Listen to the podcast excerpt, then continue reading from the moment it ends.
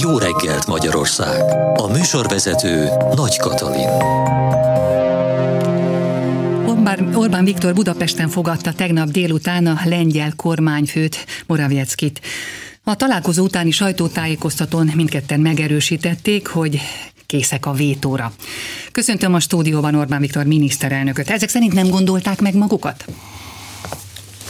Mindent megfontoltunk, mindent meggondoltunk, és eh, továbbra is kitartunk a nyári álláspontunk mellett, hiszen már nyáron is eh, együtt lépett fel a két ország, akkor is azt mondtuk, bár akkor még a vírusnak a második hulláma előttünk volt, és csak az első volt mögöttünk, de már akkor is azt mondtuk, hogy nagy bajba lesz jó néhány Európai Uniós ország.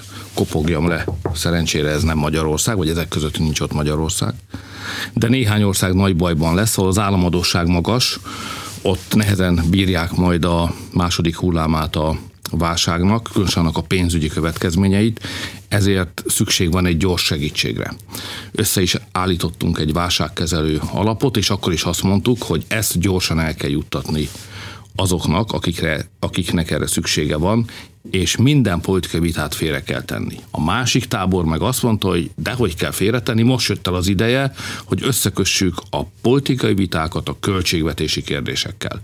Ezt a támadást, ezt a szerintem felelőtlen összekötését két különböző dolognak, mármint a politikának meg a válságkezelésnek, ezt júliusban sikerült elhárítanunk, de az Európai Parlament, aminek szintén van szerepe ebben az egész játszmában, a nyár és az ősz során elérte azt, hogy a német elnökség mégiscsak összekapcsolja a két dolgot. Szerintem egy rossz döntés volt, nem kellett volna engedni az Európai Parlamentnek, világosan meg kell mondanunk az európai képviselőknek, hogy rossz álláspontot, felelőtlen álláspontot képviselnek, tönkretesznek számos Európai Uniós országot, ha ragaszkodnak ahhoz, hogy politikai kérdéseket összekössenek válságkezelési gazdasági kérdésekkel. Persze ők erre azt mondják, hogy nem ők teszik tönkre, hanem Magyarország meg Lengyelország teszi tönkre.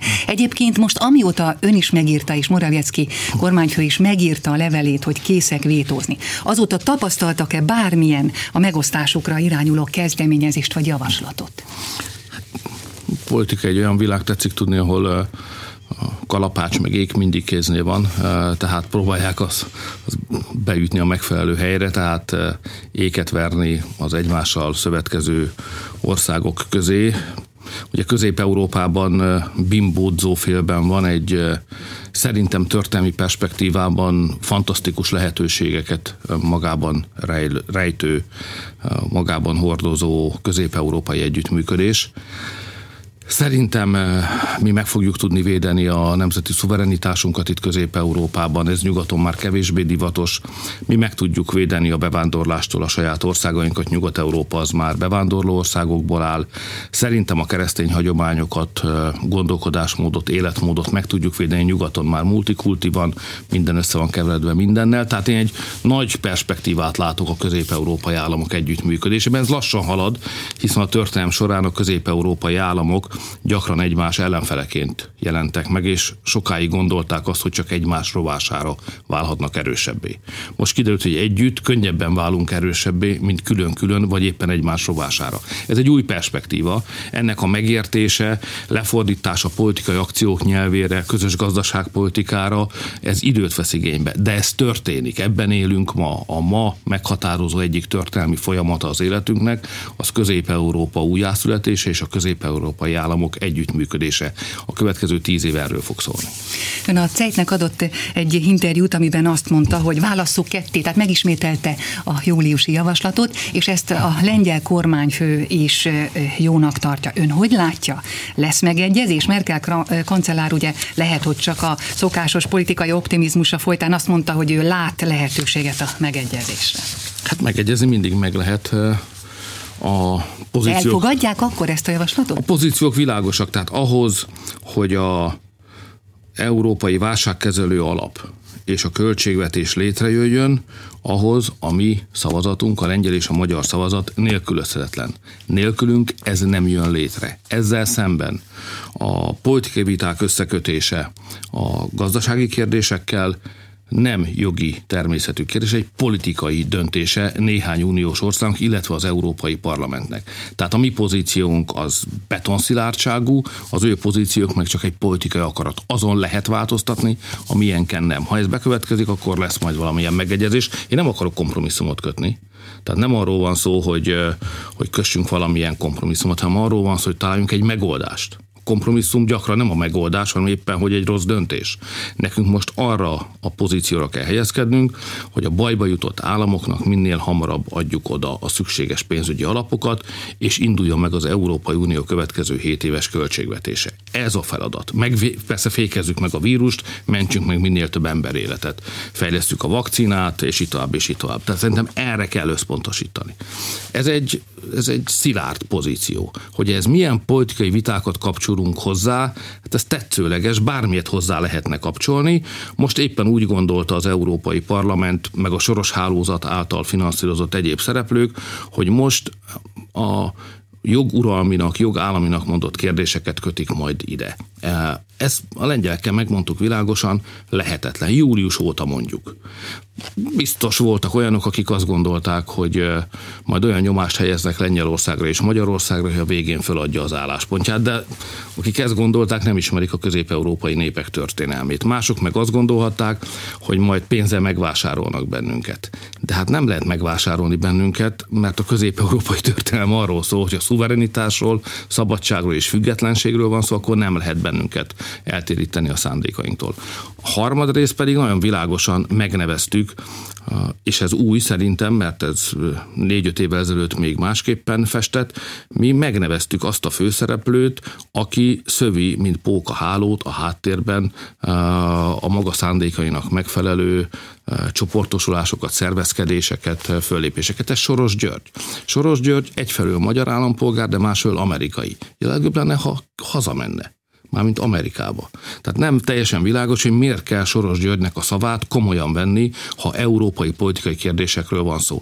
Lehet, hogy a markában tart, sőt, biztosan tudjuk, hogy a markában tart jó néhány európai parlamenti képviselőt, de világossá kell tenni, hogy Soros Györgynek nem lehet döntő, sőt, semmilyen befolyása sem lehet európai politikai kérdésekben. Ő már 15-16-ban megírta, jól emlékszem rá, hogy azok az országok, akik nem engednek be bevándorlókat, azokat pénzügyileg meg kell büntetni. Ami most az asztalon van, elegánsabban, de ugyanezt mondja. Mert ha elfogadnánk az Európai Parlamentnek a javaslatát, az azt jelenteni, hogy ha nem engedjük be a migránsokat, akkor a költségvetésünk egy részét elvehetnék tőlünk.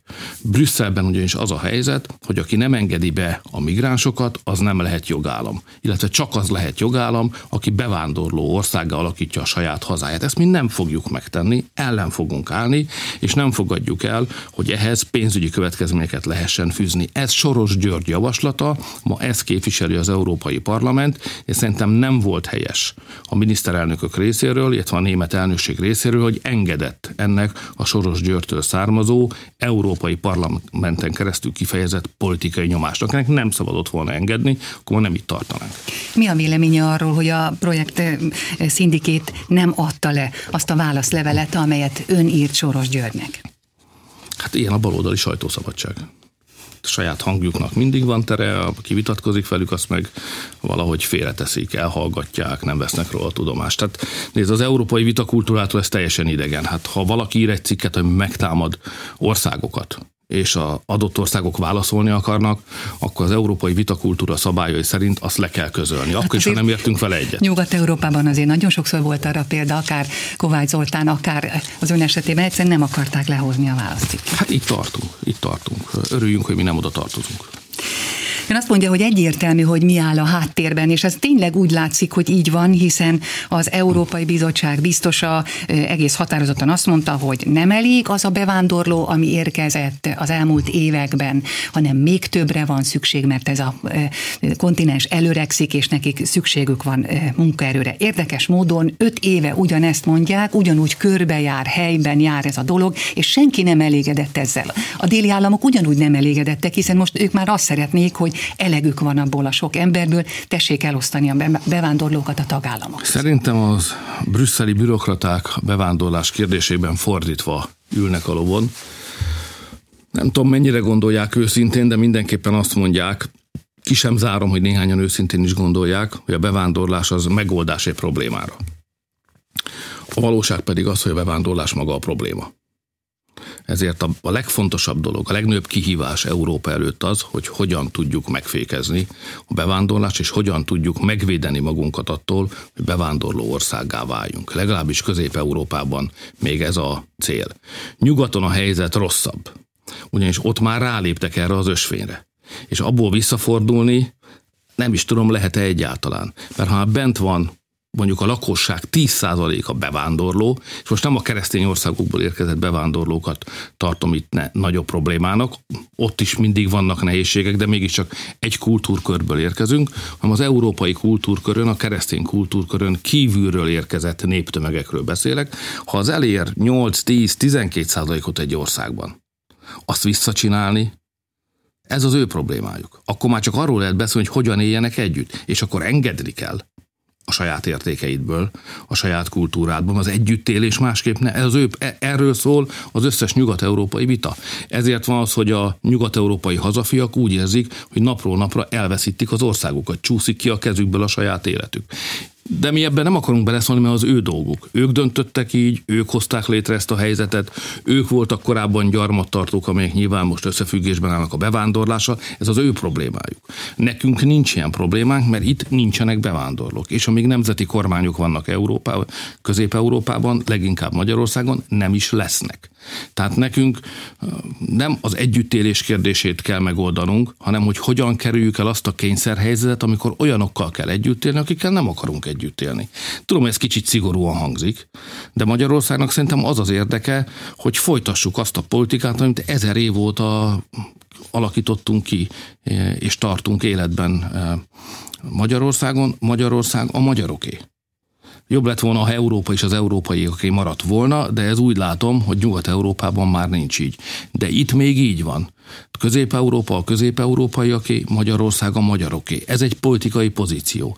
Ezer éven keresztül sok-sok százezer ember adta az életét azért, hogy ez így legyen. Tehát ez nem egy választható dolog az én fölfogásomban a most élő nemzedék számára, hanem hát voltak előttünk 31 néhány nemzedéknyi történelmet teremtve, szülők, nagyszülők, dédszülők, szép, és így tovább. Hát azt nem lehet zárójelbe tenni, hogy mi történt itt ezer éven keresztül. Itt valamit akartak a magyarok. Ezt nem lehet föladni egy nemzedéknek egyszer csak, hogy csettint egyet, és azt mondja, tényleg milyen jó ötlet, oldjuk meg a problémáinkat az, hogy beengedünk pár millió teljesen más kultúrából érkezett embert, és akkor igaz, hogy volt egy történelmünk ezer éven keresztül, meghaltak érte a jóik tudja pontosan hány százezren, rátették az életüket a legegyszerűbb emberektől a legnagyszerűbb bíróinkig, és költőnkig, és, és szellemi emberekig rátették az életüket, hogy megvédjék a hazájukat, de hát ez most már bennünket nem érdekel, ez már történelem, szükség van munkaerőre, azt akkor hozzunk be ide idegeneket. Tehát én azt javaslom, hogy a magyarok ezt a pozíciót ne vegyék föl. Nyugaton, mintha ez történt volna. De semmiképpen ne nyugatosodjunk a szónak ebben az értelmében, ne csináljunk magunkból bevándorló társadalmat, ne álljunk át a multikultúra, örüljünk annak, hogy magyarok vagyunk, örüljünk annak, hogy megmaradtunk, és ezt adjuk át ezt a lehetőséget a gyerekeinknek, meg az unokáinknak. Ez szerint én, az én fölfogásomban ez kötelességünk is, majd mindenki maga dönti el persze, hogy mit tekint saját magára nézve kötelezőnek, de én az, azokhoz a magyar emberekhez tartozom, akik úgy gondolják, hogy ez egy kötelesség, és ez szerint is végzem a munkámat. Másik nagyon nagy kérdés a bevándorlás után, illetve lehet, hogy még azt megelőzően is, az a vírus és a járvány helyzet. Éppen a közegészségügyi laboratórium egyik vezetője mondta azt ma reggel, hogy a szennyvíz vizsgálatok azt mutatják, hogy az elkövetkező néhány napban nem lesz emelkedés, hanem egy stagnálás lát, látható. Hogyan számolnak, illetve hol tartanak a vakcina megrendelések és vásárlások? Két csatatér van most, vagy két frontvonal. Az egyik a kórházakban, a másik az iskolákban. Ugye a első csatatér, csatatéren a kórházakban életet, életeket mentünk meg. A második csatatéren az iskolákban pedig munkahelyeket, mert ha a szülő nem tudja beadni a gyereket az iskolába, akkor otthon kell maradni, és akkor nem tud elmenni dolgozni, és ez neki a kényelmetlenségen túl komoly megélhetési nehézséget is okozhat. Most ami a kórházakat illeti, mert mégiscsak az a legfontosabb, hogy az életeket mentsük, ott nem látok egyelőre biztató jeleket. Tehát szeretnék mindenkit óvatosságra inteni. A kiárási tilalomhoz kapcsolódó szigorú intézkedések mint egy két héttel ezelőtt léptek életbe. A felénél vagyunk ennek a nagyon nehéz időszaknak, és ki kell tartanunk, és végig kell csinálnunk a második felét is. Aztán majd december 11-én meglátjuk, hogy hova jutottunk, és onnan mik a logikus lépések.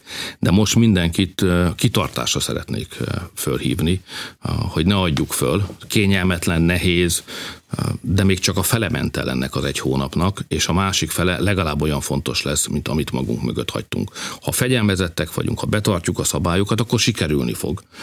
Hiszen egyszer tavasszal is sikerült már, tehát optimista vagyok, de nem azért, mert a mostani egyik napról másikra jövő adatokban változást látnék. Ott nem látok jelentős változást. Sőt, inkább úgy látom, hogy az összes megbetegedett arányához képest persze csökken a kórházi ágyak, igénybe vett kórházi ágyak száma, de összességében egyre többen vannak kórházban. Most operatív törzs üléséről jövök, és azt látom, hogy már a 9500 magasságában van, tehát el fogjuk érni a 10.000 kórházi ágyon fekvő beteg számot hamarosan.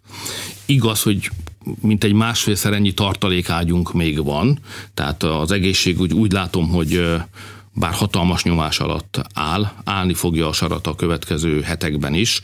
Az orvosaink, ápolónőink szerintem nagyszerű munkát eh, végeznek. A medikusok, akik beléptek eh, segíteni őket szintén, a katonák, akiket mozgósítottunk szintén.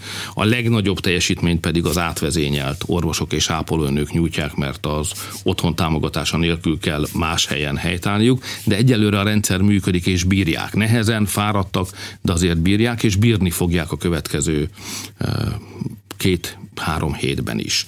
Ez van a kórházakban. Most az iskolákban pedig az a helyzet, hogy megkezdtük a egészségügyi és szociális intézmények mellett az óvodákban és iskolákban dolgozóknak a, a teljes tesztelését is. Van, aki vállalkozik erre, van, aki nem. Tegnap magam is részt vettem egy ilyen gerilla akcióban, mert egy ilyen, fél, egy, egy ilyen félkatonai rendszerben kell ezt elképzelni, fegyelmezettség és pontosság kell hozzá, és azt látom, hogy vannak tanárok, akik nem vállalják a, a tesztelést, de ez egy kicsi szám. Tehát nyugodtan mondhatjuk, hogy mikor a hétvégén, most, hétfőn, kedden az első heti szűréssel végeztünk, akkor egy át általánosan érvényes képünk lesz a helyzetről, és meg fogjuk, ma a operatív törzs ma reggel döntött, hogy megindítjuk majd jövő héten a következő heti tesztelést is, tehát a második eh, kört is eh, megnyitjuk majd. Egyébként nagyon sok fiatal önkéntesünk van, medikusok is eh, részt vesznek, beszéltem is velük, nagyon helyesek, igazán romblatlan fiatalok, akik, akik a jót keresik az életben, és igyekszik, igyekeznek az életükkel ezt a jót szolgálni, és most megsegítik az embertársaikat. És megfelelő az öltözetük, mert a hét elején valamelyik dékás politikus felszólította a magyar kormányt, hogy biztosítson megfelelő védőfelszerelést a medikusoknak. Hát ahol én jártam, ott rendben voltak nem, nem tudok mindenhol ott lenni, de azt tudom mondani önnek, hogy amit személyesen tapasztaltam, az rendben volt. Gépkocsik rendelkezésre álltak, a, a védőfelszerelések rendelkezésre álltak, a teszthez szükséges anyagok ott voltak, a hideg csomagot, ami mert terepen vannak, a, és kell ebédelni, azt megkapja mindenki, az egész légkör nagyon bajtársias és szeretetteljes volt ott Bicske környékén.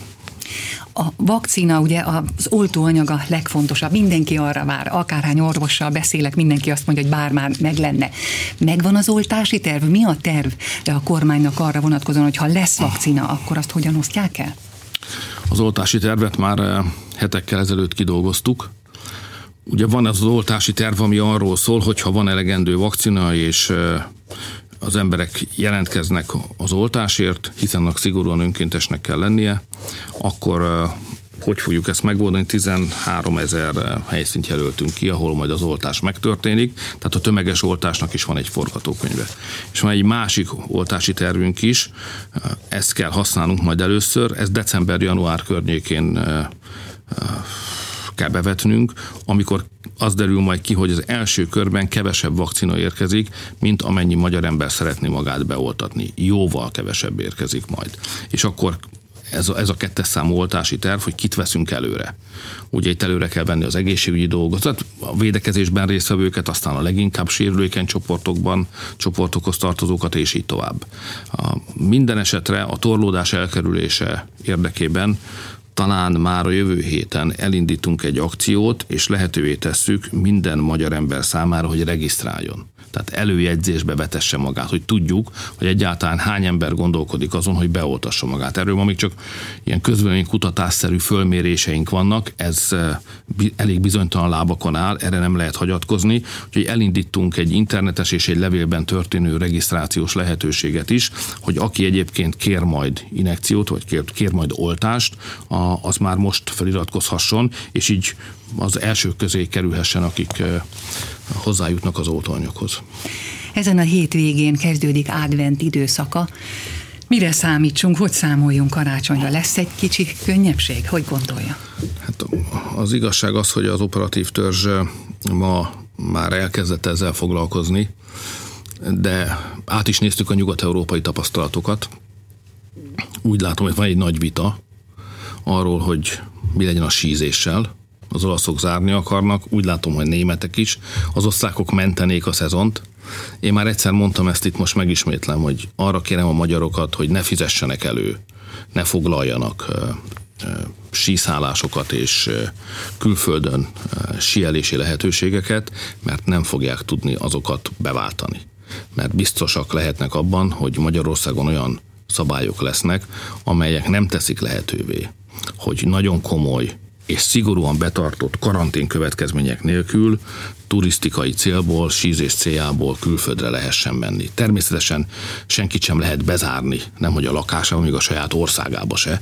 Itt azért nem tartunk, a helyzet még nem ennyire súlyos. Ha elmennek, elmennek, de amikor hazajönnek, akkor szigorú ellenőrzés és nagyon komoly karantén következmények lesznek, mert a síelések voltak az első hullámban is a, a, fertőzés terjedésének egyik kiemelkedően veszélyes, beazonosított, bizonyított okai. Tehát Csehországban ebből lett a legnagyobb baj tavasszal. Én híve vagyok egyébként ennek a sportágnak, szépnek is tartom. Örülök, hogy Magyarországon egyre több olyan család van, amelyik megengedheti magának egyébként, hogy néhány napra vagy akár egy hétre is elmenjen Ausztriába síelni. Szeretném, ha még több pénzük lenne a magyaroknak, és még többen mehetnének el, meg az egészséges életmód is fontos, de most nem ennek van itt az ideje, és a magyar állam elég szigorú szabályokkal fogja fogja védeni a magyar emberek egészségét a síszezon idején is. Tehát van ez a vita. A, és van egy másik vita, hogy akkor hogy lesz a karácsony. Az operatív törzs azt mondta, hogy egyelőre nem tudjuk megmondani ezt. E, szeretnék őszintén, egyenesen és világosan fogalmazni. Nem tudjuk még, hogy milyen szabályok szerint kell majd élnünk a karácsonyi ünnepek és új év idején.